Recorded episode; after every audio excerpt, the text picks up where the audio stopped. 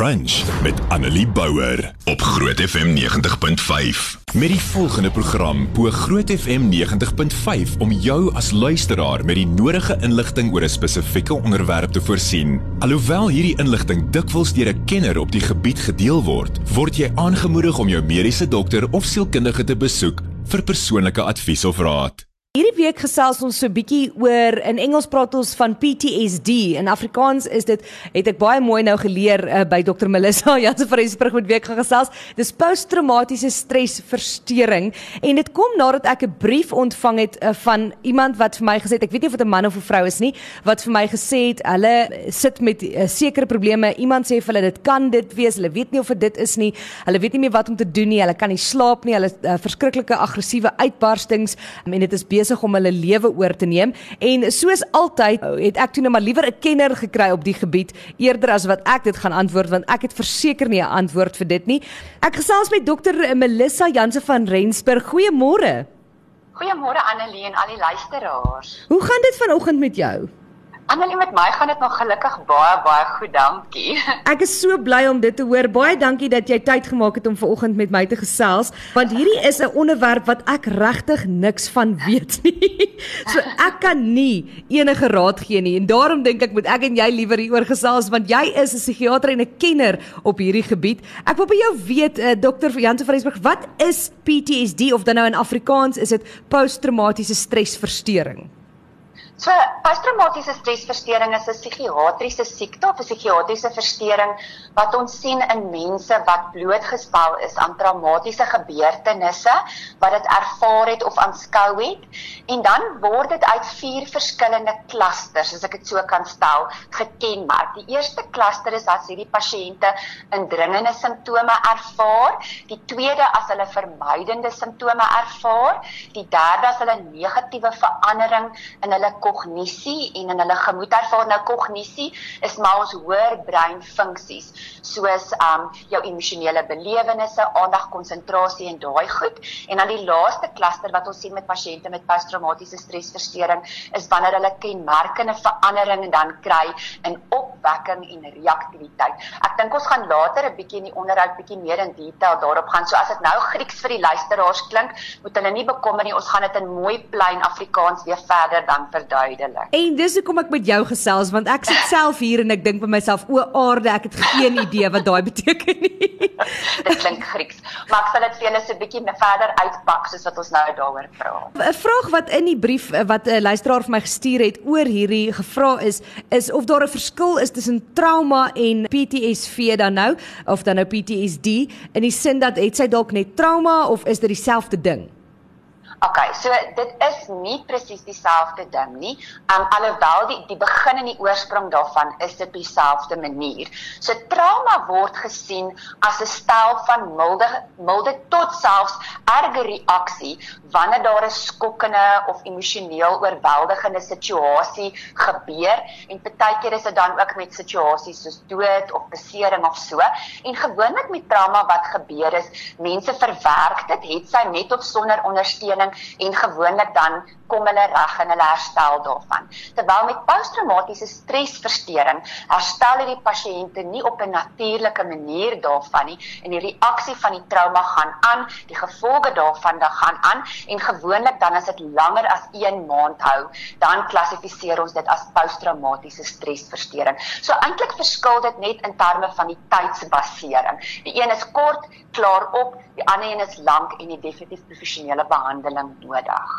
Ek wonder net en dit is ook wat in hierdie brief was van die persoon, soos ek sê, ek weet nie of dit 'n vrou of 'n man is nie, het vir my geskryf en gesê al wat hulle weet van posttraumatiese stresversteuring is dit wat hulle in flieks sien daarvan. Ja. En dit is altyd soldate of mense wat in 'n oorlogssituasie betrokke was en dis hoekom hulle dink dit kan seker nie hulle hulle situasie was nie so ernstig nie. So nou wil ek weet, is dit net mense wat in sulke verskriklike erge situasies is wat dit kan kry of nie? Nee, verseker nie Annelie. Ek dink um, die probleem is dat ek dink dink die media en ons konsep wat ons van PTSD het is dat dit iets is wat net in oorlogveterane ensovoorts voorkom, maar dit kan enige mens in die populasie kan dit um jy weet aanraak dit die die die die kenmerk daaraan is dat hierdie persone word blootgestel aan 'n werklike of 'n dreigende trauma, soos byvoorbeeld 'n dood, 'n besering, seksuele geweld ensovoorts ensovoorts ensovoorts.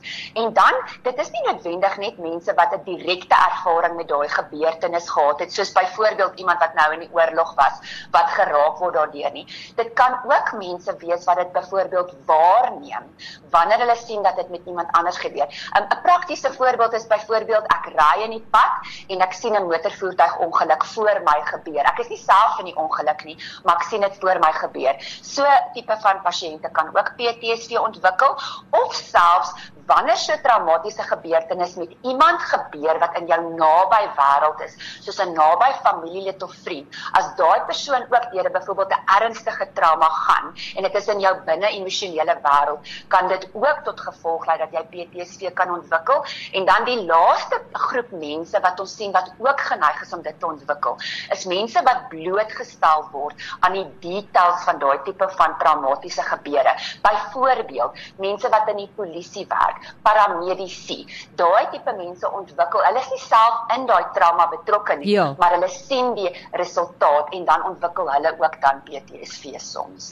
Ons gesels oor PTSD en ons het 'n bietjie gepraat oor die feit dat dit is eintlik enige iemand wat dit kan kry, alhoewel ja. films dit baie keer laat lyk like asof dit net soldate en sulke tipe mense is wat dit kry. Correct, ja. En jy het ook nou genoem dat mense sien dit veral in beroepe van polisielede en paramedici wat vir my sin maak want ek dink hulle sien baie keer die verskriklikste goeters. Uh -huh, ja. Kom ons praat bietjie oor as iemand luister en hulle is nie seker of hulle dalk uh, so iets het nie. Wat is die simptome waarvoor mens moet uitkyk uh, vir posttraumatiese stresversteuring? Goed, Annelise, ons gaan sien gewoonlik sien ons vier klasters van simptome waarmee hierdie pasiënte mee presenteer. Die eerste klaster noem ons indringende simptome. Nou indringende simptome sluit in as hierdie pasiënte ontstellende en herhalende herinneringe van daai traumatiese insident het of hulle het ontstellende drome, baie keer helder nagmerries wat hulle ervaar of dan terugflitsse waarin hulle voel of hulle tree ook selfs op asof daai insident weer gebeur of hulle raak ook baie maklik ontstel as hulle byvoorbeeld blootstelling het aan iets wat hulle herinner aan daai insident of daai trauma en dan saam met dit 'n fisiologiese reaksie. Met ander woorde hulle liggaam reageer.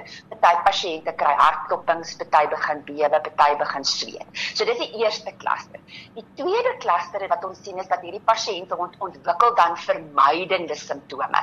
So hulle gedrag verander dan om nou te probeer om enigiets wat hulle herinner aan die trauma om dit te probeer vermy. 'n Goeie praktiese voorbeeld, iemand wie weer eens wat byvoorbeeld in 'n motorvoertuig ongeluk was en daai persoon het bestuur en dan probeer hulle dit vermy om weer te bestuur. Hulle sal eerder iemand anders kry om hulle rond te ry of eerder dan saam met iemand in 'n kar saam met hulle eerder 'n bietjie gemakliker bestuur. Dan die derde klaster is wanneer hierdie pasiënt 'n negatiewe verandering in hulle kognisie en hulle gemoed kry. So wat jy agterkom is dat baie keer het hulle nie meer die vermoë om daai insident baie goed te kan herroep nie. Dis asof daar um blanks as ek die Engelse term kan gebruik in hulle herinneringe of geheuebank rondom dit is. En dan het hulle ook heeltyd herhalende negatiewe denke, nie net oor daai insident nie, maar ook oor hulle self as mens. Hulle voel meer negatief emosioneel. Hulle begin minder belangstel in dinge wat vir hulle in die verlede lekker was. Hulle voel baie meer geïsoleer of hulle het ook nie meer die vermoë om positiewe emosies soos um 'n vreugde en genot en daai tipe van goeders te kan ervaar nie.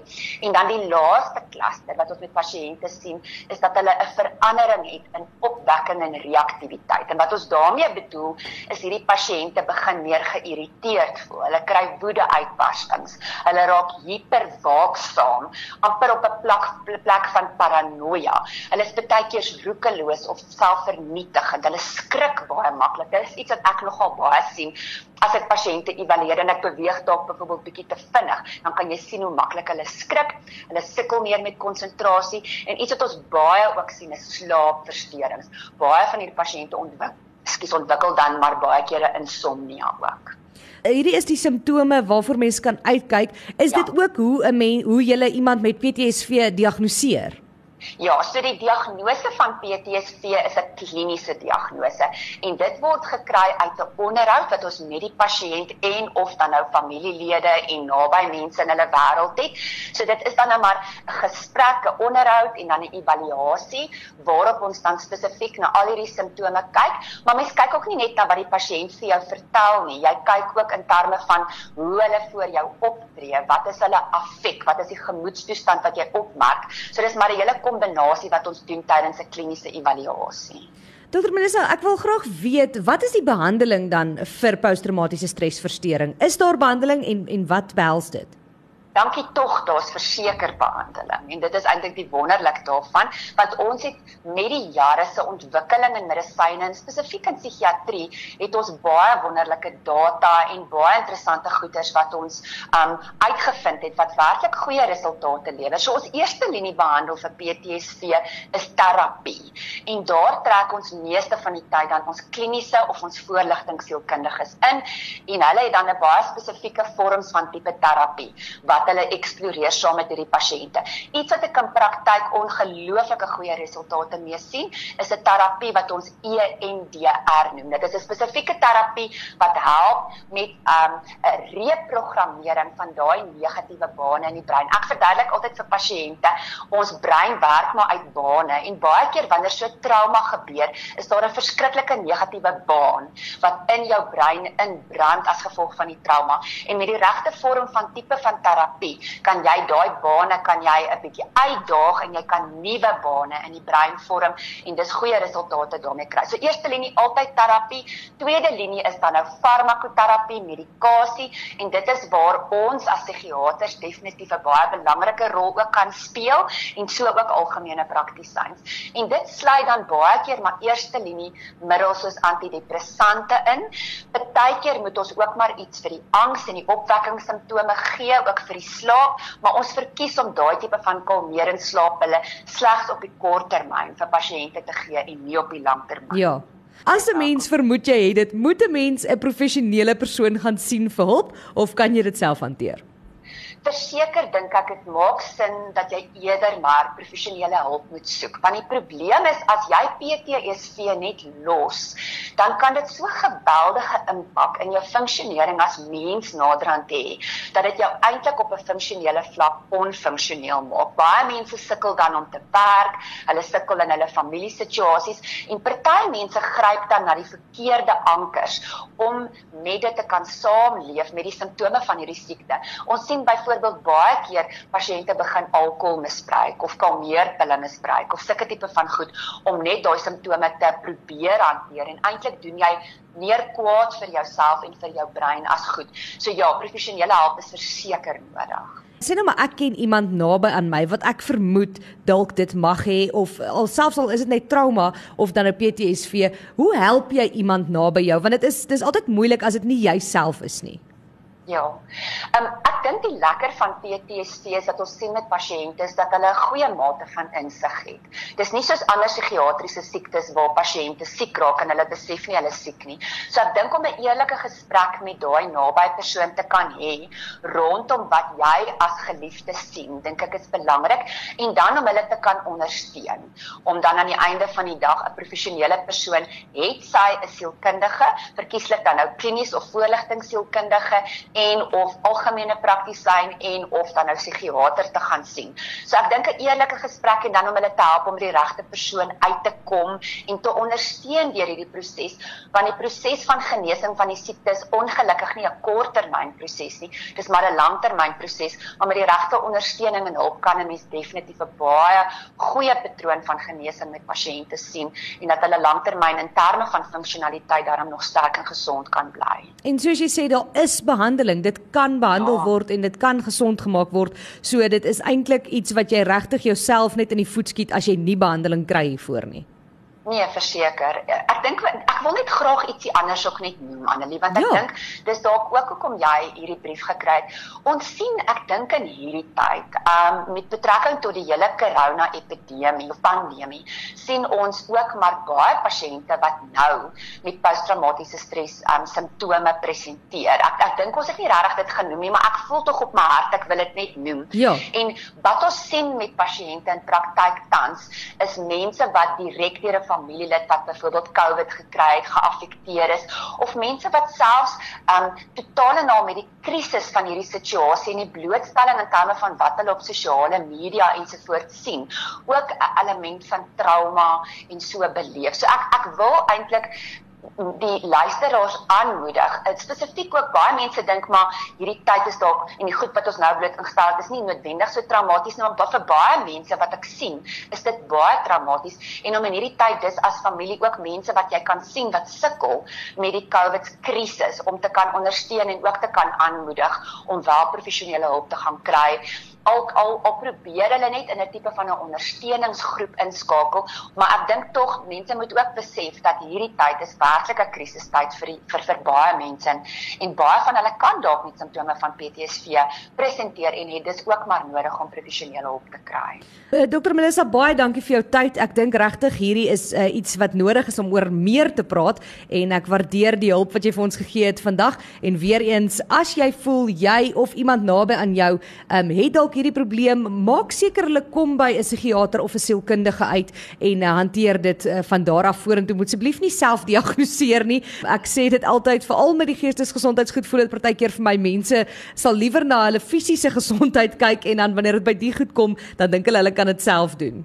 Dis Dr Melissa Jansen van Rensburg, sy is psigiater. As jy enigsins voel dat hierdie iets is wat in jou lewe of iemand naby jou 'n probleem is, asseblief maak seker dat jy by die regte persoon uitkom. Brunch met Annelie Bouwer op Groot FM 90.5.